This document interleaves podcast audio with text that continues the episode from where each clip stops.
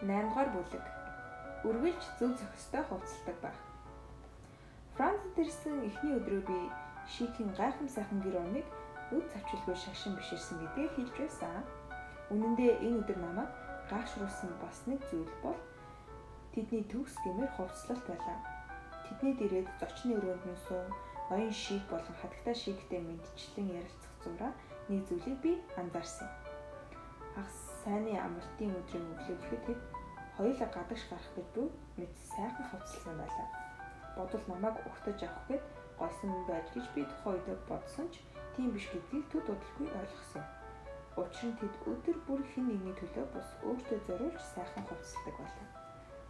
Тэдний хэмцэн зөв зохистой хувцалдаг нь надад тун гайхалтай санагдаж байлаа. 23 настай хүн үргэлж цэгцтэй цэмцгэр хувцална. Эдний гэрт би хагас жил амьдрахдаа тэднийг сул цамц унтлахын хувцастаа хувцастайгаа гэр дотроо холхид байхыг нэг ч үзээгүй. Хатагтай өдөр тутамдаа захтай болон захгүй цамцыг донцолтойгоо хослуулан үүн дээрээ сайн шандрын арьсан төвхөл өмснө.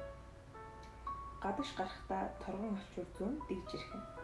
Бас өөрийн хайртай хаваасан ойдолтой хөрмөө өмсөх дуртай.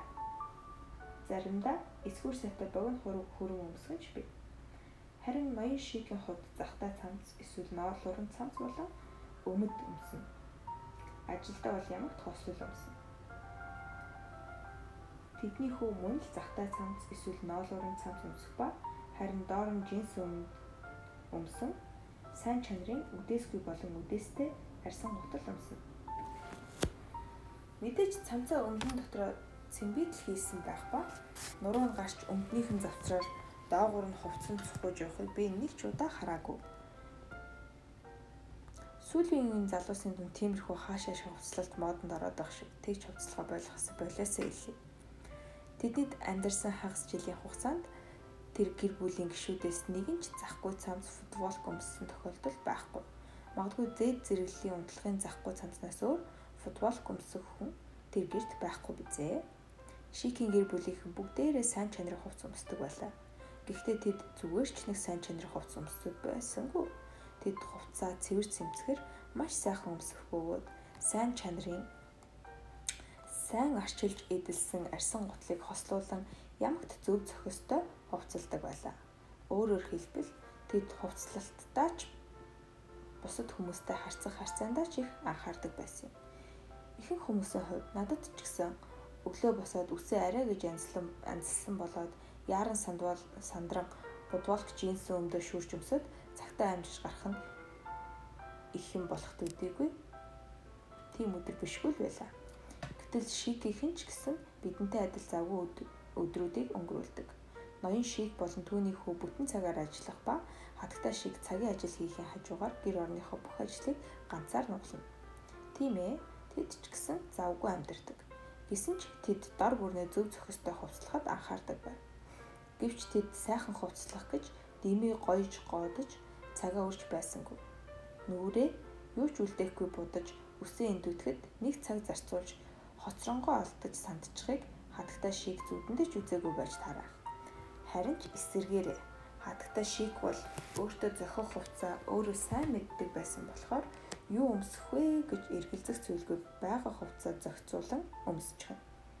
Үсээ тэр бүр янслаад байх шаардлагагүй энгийн тайралттай ба нүрээч мөн тун бүдэг буддаг байв. Харин Кэри Грант болон Одри Хямберн нар кино ертөнцид од болон гялалцаж байх үед хүмүүс бүгд ямар сайхан хувцалдаг байлаа да. Тэд өдөр үдшилэг өдөр үдэш ялгаагүй ганган дэгжин хувцлаж аялал зугаалахад явахдаач унтаж амрахтаач ойролцоох мохлог руу гарахтаач зөв сайхан харагддаг байлаа. Ингээд одоогийн Америкийн нийгэм яачихсан юм бэ? Өнөө үед өдрийн цагаар дэгжин хувцалсан хүмүүднийг юм болжээ. Ирчүүд нь намхан судалтай өмд өмсөн ууц нуруугаа цохуулгаж, эмэгтэйчүүд нь үргэлж бэлтгэлийн хувц углааш өмсөх болж. Гидсний булчингаа Жесэн өмднийхөө дээгүүр харуулж, хөвчнийхөө өрөөсөн мөрийг цохуулгаж, бүслэгээрээ нүцгэн явах нь одоо үед энгийн л үзэгдэл болжээ. Би 95 та эмээ шиг ярьж байж магтгүй. Хэн байдлыг хараад өглөхгүй байж чадчихгүй. Энэ хорвоо дэлхий чинь яач хав вэ? Ингэж хэлж байгаа би өөрөө ч гэсэн өмнө Калифорнид амьдардаг болохоор гэсэн шалтгаанаар сул цамц мөсөж далайн иргэн углаа шуулдаг байлаа. Одоо хэрн хаяа тэмэрхүү хувцлах тохиолдол байдаг ч болж л өгвөл өдөр бүр зохистой хувцлахыг хичээх болсон. Хүн бүрийг шик гэх шиг соёлтой хувцлах ёстой гэж хэлээгүйч бид тэдний гэр бүлийнхний хувцлалтаас эхлэн амьдралд хандах хандлага чиг шугамаас нь харж суралцах хэрэгтэй мэт санагддаг. Өөрийгөө болон өрөөл бусдыг хүндэтгэн зөв зохистой хувцлаж биеэ зөв сайхан авч явахад анхаарах нь огтоос буруу зүйл биш гэдэгт итгэлтэй байна. Би Франц кинон их үзэх дуртай. Учир нь ихэнхдээ маш гоё сэдвтэй байхын дээр арилжааны гих зүйлс мэддэггүй болохоор ч тэрүү ямар ч би Франц кинонд хамгаас дуртай. Таач гэсэн Франц кино үзвэл эмэгтэй жүжигчдийн сайтар ажиглаад аваарай. Тэд ихэнхдээ дэгжин хувцалсан байх ба хэтрүүлж гойсон зүйл харагддаггүй. Нэг кино жишээ татъя л да. Эммануэл Мауретийн найруулсан Үнсэлцүү буюу We Kiss киноны гол бүсгүй тоглосон Южини өөрийн дотны эрэгтэй найзтайгаа гэр бүлээс гадуур харилцаанд ордог эмэгтэй дүрийг бүтээдэг. Тэр эмэгтэй Итали нөхөртөө хайртай түүнийг гомдоочихгүй гэхээс үргэлж зүр сэтгэлдээ шаналж шаналл тээж явдаг нэгэн. Түүний зөв буруу шүүх гэсэнгүү зүгээр л Ледон бүх кинонд турш маш цэгцтэй сайхан хувцалсан байдаг. Өчүүхэн төдийч хичээж хэтрүүлсэн юмгүй шүү.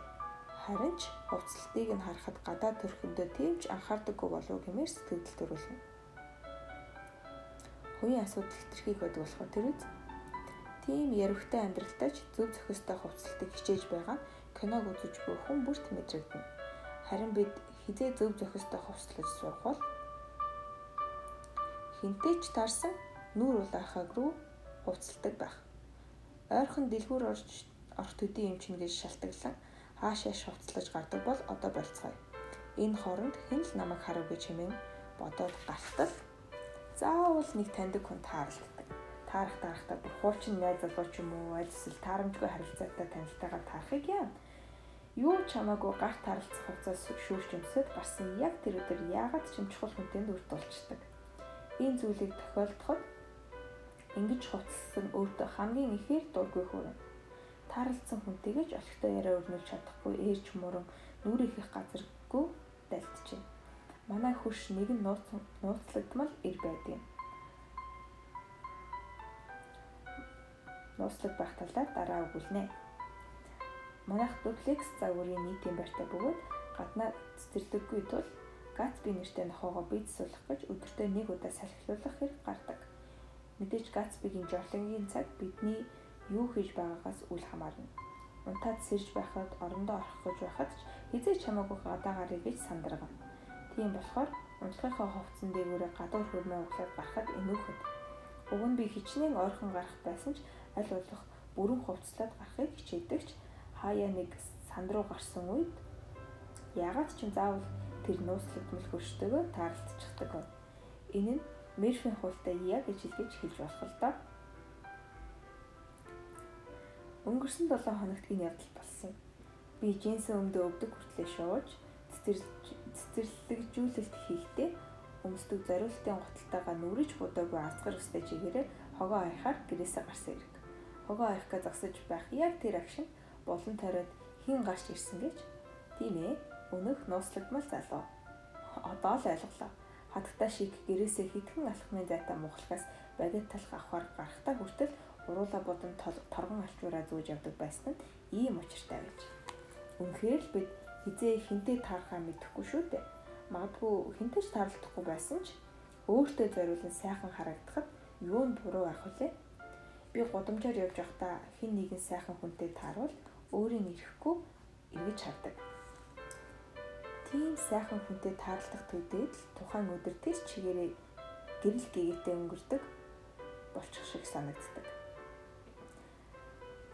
Санта Моникад ч хаа нэг Франц ирчүүд дэгжин хувцсан эрс харагддаг.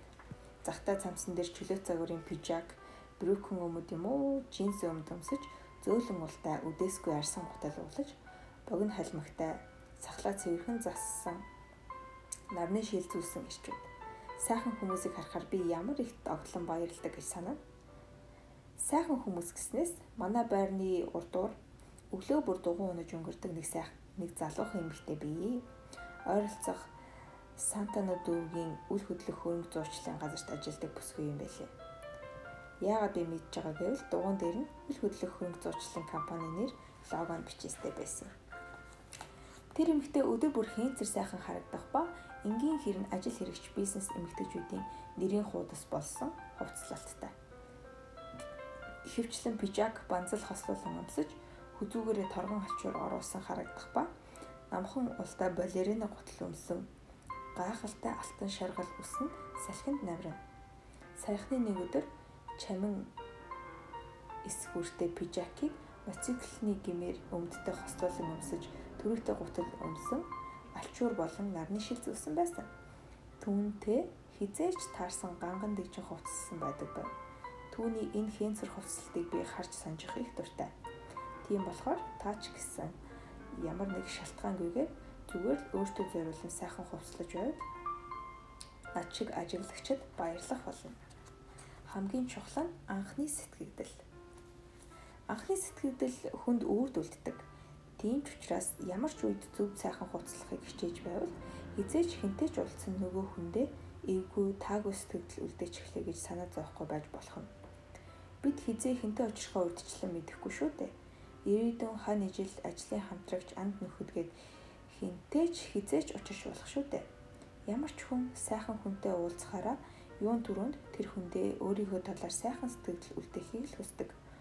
Өөрийн гадаад төрхтөө ямар ч ямагт анхаарснаар эвгүй байдалд орохгүйгээр бие гайхалтай сайхан авчиж сурах ба энэ нь таныг төрөлхийн гоо үзэсгэлэнтэй хүчрэхэг харагдуулах төдийгүй бусдад хамгийн гайхалтай анхны сэтгэл үлдээж чадна гэдэгт итгээрэй өөртөө зохиогүй хувцас нэгийг ч өмсөж болохгүй. Олон он удаан жил өмссөн, хуучирч илэгдсэн болон өөрт зохидоггүй хувцснуудаа бүгдийг нь хай. Хаяхад хайрын санагдаад авч үлдлээ гэд тэдгээр хувцснууд танд нэгэнт хэрэг болохосоо өнгөрсөн гэдгийг хүлээн зөвшөөрд шууд ялгаж арга хэмжээ аваарай. Ганцаараа амьдардаг байлаа ч гэсэн хуучирч илэгдсэн зохиогүй хувцас өмсөж болохгүй дог биш хувцас нэгийг ч өмсөж болохгүй өмсөхгүй байвал дог харагдана шүү дээ. Араасаа ямар харагдаж байгаагаа заавал шалгаж байх. Өрөөс өглөө гэрээсээ гарах болгондоо өөрийгөө бүх талаас нь толинд сайн харж шалгаж байж гараарай. Урдаасаа гайхалтай сайхан харагдсан ч артлаасаа онцгүй харагдаж байх вэ. Саяхан хэд хоногийн өмнө нэг тийм таагүй тохиолдлыг би өөрийн нүдээр харсан. Би охинтойгоо өдрийн хоолнд орохоор явж байлаа бидний өмнө нэг эмэгтэй алхаж явна. Цагаан цамцсан дээрээ хөрөн өмссөн байх ба доогуура хөрөн өнгийн джинс өмд өмссөн байна. Баруун мөрөндөө том лос вишн цүнхээ өөрчээ. Өмд нь ихэд бариу болохоор алхах доолнд нь целлютын цоцгон хөдлөн. Түүнээс ч харамсалтай нь өмднийх нь яг өгзөг хэсгийн голын ойдол нь ханзарч тод гихч нөх онгоон харагдахаж тэр бүсгийг хормхон эргэж харахад нь би ажиж амжсан бөгөөд нүрээ сайхан бодож үсээ дэгжин янзлыг нь харуул гадаад төрхөндөө баггүй анхаардаг болох нь илт. Гэтэл араасаа ийм эвгүй байдалтай харагдаж байгаагаа өөрөө төсөөлөөчгүй явна. Тэр үед өнөөх цоорсон штүзтэй бүсгүй санаанд минь орж ирлээ. Ингээд би ч гэсэн цоор хомдтой юм яваа юм шийддэг их бодол зурсхийн сацуу нуруугаар хөйтөн хөс тааж байлаа.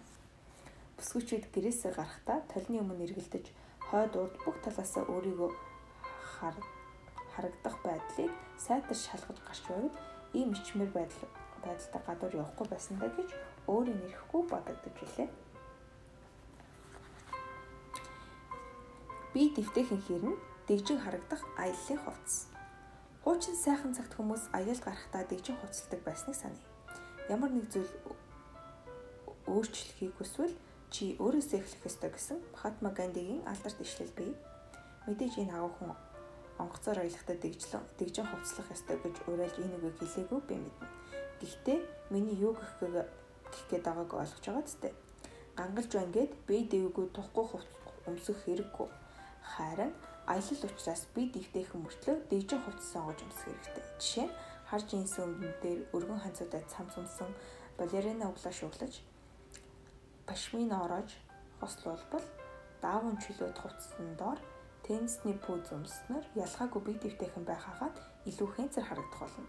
Эсвэл даашин зэмүү банзал өмсөд даарахгүй тулд ноол уран нөмргөө онгоцонд бариад л орж болно.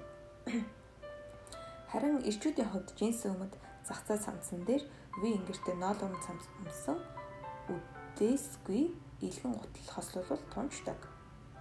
Би энэ хослолд ямар их дуртай гэж аялал гарахдаа ингэж дэгжин хуцалвал онгоцны суудлын зэрэглэлийг зэрэглэлийг тань ахиулаад өгөх юм билүү хэн мэдлээ. Анхнаасаа нэгдүгээр ангиллаар нисэж байгаа хүнд бол хамаагүй л дээ. Мэдээж аяллаа турш энгийн футболк джинстэй сайхан харагдах боломжгүй. Өнгөрсөн жил Барбадосын аяллаас буцах онгоцоороо буцах онгоцондоо бүртгүүлэх гээд нөхөртөөгөө дараалал хүлэн зогсохдоо нэгдүгээр зэрэглэлд бүртгүүлэхээр зогсоо нэг эмэгтэйг би анзаарсан. Джинс өмдөн дотроо цагаан футболко хийж Kristen Louboutin брендийн булганы арьс нь өндөр өсгийтэй хослуулан өмссөн. Мөн нарны шил алтдаг цаг зүүн үсээ энгийн атлаа гайхалтай харагдуулахаар ардаар ганцхан боожээ. Түүний хувцлалт бие дэвтэйхэн бөгөөд футболк джинс гэсэн өдөр тутамд өмсдөг хувцас хэдий ч зохимжтой аксессуар зүснэр түүний хувцлалт илүү тансаг үнэтэй харагдаж байна. Мөн сайн эндүүдлэгтэй цагаан футболко джинс өмдөн дотроо жимбит хийсэн байгаа нь хааш яаш болох хувцлан харагдуулахгүй болох хувцсан харагдуулахгүй байлаа.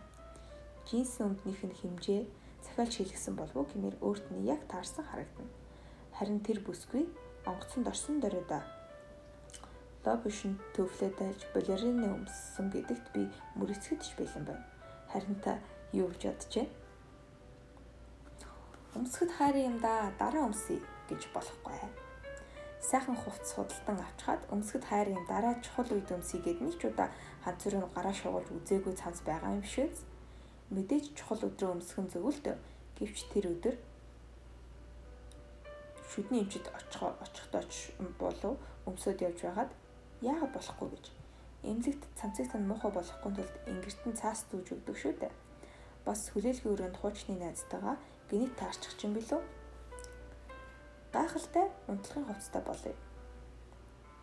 Ажлын нэг өдөр дуусаж орой гэртээ хинч харахгүйгээд юу ч хамаагүй өмсдөг бол яг өнөөдрөөс үнийгээ зогсоо. Жинхэнэ гэрэлсэн хосуудч бай, мөнгөн хуримтлалаа угтаж буй гэр бүлүүдч бай. Ерөөс өрөөний найзтайгаа амьдардаг эсвэл ганц бие амьдралтай муураас өөр таныг харах хүн байхгүй ч бай хамаагүй. Гайхалтай сайхан гэрийн хувцас, унтлагын хувцастай болцгоё. Урт халаад нөмрөг энэ төрөлд хамгийн тохиромжтой хувцас бөгөөд гайхалтай тансаг харагдуулдаг хэдий ч өнөө цагт өмсдөг хүн ховорцсон нь харамсалтай. Агати Кристигийн мөрдөн байцаагч Power Out зурвал дээр Британий жүжигчин Дэвид Сушиегийн бүтээсэн Parod би тун дуртай. Киноны үйл явдалд хуучны сайхан цаг үеийг харуулах ба шүн дунд хүн амны хэрэг гарахад сэжигтнүүдийг унтлагын хувцастай уулзтын өрөөнд дуудаж цуглуулах хэсэг гарах үед би ямар их баярлдаг гэж. Учир нь тэр хэсэгт гарах жүжигчид бүгд урт гихчийн тансаг халаад өмссөн байдаг. Хатагтай нар ихэнхдээ кимоно маягийн урт торгон халаад өмссөн байх ба харин ирчүүд нь зүүмэл хаваастай ойдолтой халаад өмссөн байх нь илбэг. Би халаад өмсөх их дуртай. Надад хэд хэдэн халаад бий. Оройдоо халаад нөмрөлгүй унтлагын хувцастайгаа сэлбэлзэж явхаар надад нүцгэн явж байгаа юм шиг санагдах болсон. Тиймээс нөхөр маань гэртээ харж ирээгүй байсан ч хүүхдүүд маань орондоо орсон байсан ч би унтлагын хувцсан дээрээ заавал халаадаа өмсөж явдаг. Гэвч халаад өмсчихсэн юм чинь унтлагын хувцас бол ямар ч байсан хамаагүй гэж бодож болохгүй. Ирчүүдэд бол мэдээж захтай цамцтай унтлагын хувцас хамгийн сайхан. Бүсгүйчүүдийн хувьд илүү олон сонголттой байвал зүгээр санагддаг. Энгийн унтлагын хувцасны хажуугаар чамин сарфончиг эсвэл урт унтлагын даашинз нэг бол торгон оруулахтай цамц байж болно. Магадгүй Мэрли Монро шиг нүцгэн удаж болох ч тийм үед орныхоо хөл халаада тавьж унтахаа мартаа зай. Учир нь хизээ юу тохиолдохыг хэн ч мэдэхгүй шүү дээ. Шүн дунд газар хөдөлж гал гарлаа гэхэд чармаа нүцгэн дээр дэрээ тэврээд гүйж болохгүй бидтэй. Хадагта шиг газар шүргсэн урт солонгорсон өнгөтэй халаад өмсдөг байна. Нэрээ хадагтайн унтлахны хувцас урт халааданд далдлагдсан байдаг болохоор би нэг ч удаа харж байгаагүй юм байна. Ноён шиг болон тэдний хүүг унтлагын хувцастай байхыг бүрч үзээгүй. Учир нь тэд унтлагын өрөөнөөсөө бусад газарт бүрэн хувцалдаг, хувцастай байдаг. Та өөртөө ямар гэрийн хувцас зохихыг бодоод үзээрэй. Унтлагын хувцасны хувьд би бүр их зүйлийг ярмаар байна. Ялангуяа хадагтай шиг миний өмссөн унтлагын хувцсыг юу гэж бодсон тухай хүүрнээ байгаа ч энэ тухай 9-р бүлгийн хамгийн сайн хувцас энгийн үед өмсөх хэсгээс уншаарай. Янзлах шаардлагагүй үсний засалт. Үс сайхан бол зүс сайхан гэдэг дээ. Үсээ сайхан засаж янзлсан хүн бусдад бүх талаараа цэвэр цэмтгэр сэтгэл төгөлдөг. Засаж янзлах гэдгийг шув шулуухан эндүүдэх эсвэл үсний элдв хэлбэрээр гаргаж янзлахтай андуурч болохгүй. Эрдэл өөрт зөксөн үсний засалтыг хэлж байгаа. Хадагтай бохоо маань замбраагүй маягийн долгионтой үстэй. Тэрээр тогтмол үсэд тайруулдаг байсан ба үргэлж хөвсгөр долгионтой харагдах нь үнэхээр өөрийг нь илэрхийлдэг. Яг л Бохомен стилийн даашинзны хормоо шиг. Зориуд засаж янзалсан үс биш, унган дүр төрхийг бүрдүүлсэн өөрөө ч хэлбэрхэн янзалцгаж болох тайралттай байлаа. Хадагтай шиг бол Парис маягийн тайрал тайрмал үстэй. Өдөр бүр нэг ижил засалттай байдаг байв. Тэд үсний эндүү хэрэглэж, шиймэл үс залгаж, лак цацаж үсний угаа босгодоггүй Мэдээж онцгой өдрүүдэд эрдийнхээс өөрөөр үсээ цэцхэн сайхан санаа гэдэгтээ би мархахгүй ч өдөр бүр тэгж үсээ янздвал цаг их орно шүү дээ. Үсчинд өөрт таалагдсан мэрэгжлийн үсчинтэй болоод байнга зөвлөгөө авч байгаарай. Сайн үсчид таны үсний онцлог тохирсон хийгээд өдөр бүр гэртээ хэлбэрхэн янзалж болохоор засалтаар тайрчих чадна. Хэрв нот шиг хөвсөж арзах дуртай үстэй бол өдөр бүр үсээ угаахгүй байж болно гэдгийг мэддэг төдий байвал хамаагүйгээр болно. Миний хувьд нэгээс 3 хоноод үсээ угаахад тохиромжтой байдаг. Ямагт үс зүс хувцлалт гадаа төрхөндөө анхаарч бис бие сайхан авч явах нь өөртөө болон гэр бүлийнхэн хайртай хүмүүстэй тэр ч өөхөл өдөр бүр тантай таарах бүх хүмүүст хүндэтгэлээ илэрхийлж бүх хэрэг юм. Парисын цонх угаагчдын тухай. Цонх угаагчдын тухай үргэлж сайхан харагдана гэдэг бол мэдээж хэрэг амар биш. Ялангуяа Парисын нэгэн өглөө над шиг хин нэгэнд чармаа нацган харагдсан бол шүү дээ. Энэ тухай одоохон би тайлбарлая. Шикэнд байхдаа би энэ айлын гурван гишүүдийн хамт нэг угаалгын өрөөг ашигладаг байлаа. Тэдний ирсэн анхны өдөр хадагтай шиг надаас хизээ усанд орж байваар нь өглөө юу орой юу гэж асуусан юм. Би өглөөг сонгосон ч унтахынхаа өмнө бас халуун усанд орж болох уу гэд асуучдаг юм билүү гэж аман дээр гарч ирсэн ч дөнгө гэж ирсэн өдрөө төрөгдөөд явах гэж удаад залхиад өнгөрлөө. Дараа сонсохны хадагтай шиг ус гарцдах их дургүй хүн байсан юм байлээ. Учир нь тэд өдөрт нэг л удаа усанд орох дүрмтэй байсан. Хэд хоногоос би өөртөө угаалгын өрөөнд дүрм гаргалаа. Өөрийн унтлахын өрөөндөө би нэг жижигхэн сакс бойлуулад түүндээ гоо сайхны зүйлсээ хийдэг байв. Учир нь угаалгын өрөөнд хангалттай зай байдаггүй байв. Өглөө бүр 7 цагт би угаалгын өрөө рүү явж усанд орох боллоо угаалгын өрөө галтгооны өрөөний нэгэн адил эмх цэгцтэй үргэлж гялалтсан цэвэрхэн даруухан тавилгуудтай байсны дээр хавтан шалнууд жижиг тойл мөн ямар ч зай эзлээгүй босоо угаалтуртай байдаг бай. Харин тэнд шүршүүр байхгүй. Мэдээж би гайхсан. Түүний оронд авсаархан шүршүүртэй гоожор бүхий багтаамж сайтай онгоц байдаг байв. Энэ онгоц угаалгын өрөөний маш том цонх руу харж байрлана. Гэтэл цонх ямар ч хөшиггүй. Учир нь цонхоор ханал харагддаг байсан болоод тэр баг.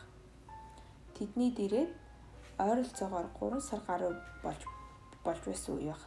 Нэг өглөө би усанд орж байхдаа гинт цонхны цанд нэгэн эрэхтэй байгааг олж харсан юм.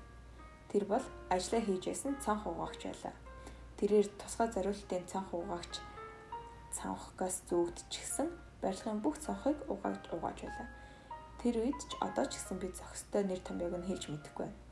Би хашгирэн өөрийгөө далдалж болох ямар нэг юм хайн тийчгэнгээ чигээрээ харан сууж байв. Тэр үед би яг тонгоогоод хөлөө угааж байсан юм. Сайхан барилал биш шүү. Гэтэл цонх угаагч нааша харан зөөлөн нэмсэлдэж над руу далласнаа ажлаа үргэлжлүүлдэг байх шүү. Тэр над руу ширтээгүй бас зэм харахч гээгүй. Энэ үед би өөртөө баярлах гомдохын аль нь зүг болохыг ялгаж ялгах тэнхэлгүй байлаа. Тэгээд би шууд хатагтай шийх дээр явж очиод цонх угаагчийн талаар болсон явдлыг хэллээ. Би түүнийг над шиг цочирдах гэж найдсан юм. Гэтэл тэр зүгээр л хөвжөлтэй нэг. Өө тийм л дээ. Тэр савда нэг л удаа ирдیں۔ Бас биднийг бүгдийг нь усанд орж байхыг харсан гэв. Энэ үед гайхаж тасарсандаа хэлэх үгүй болсон намайг анзаарсан хатагтай угаалгын өрөөнд хөшиг хийх үү гэж асуулаа. Би хэсэг зур бодол хийснээр татгалзав. Мэдээж надад эвгүй байсан л та.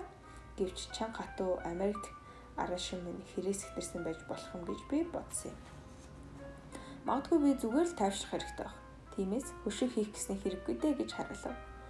Ямар ч тач маргааш өглөөнөөс нь цонх төр зуурын хөшигтэй болсон байв.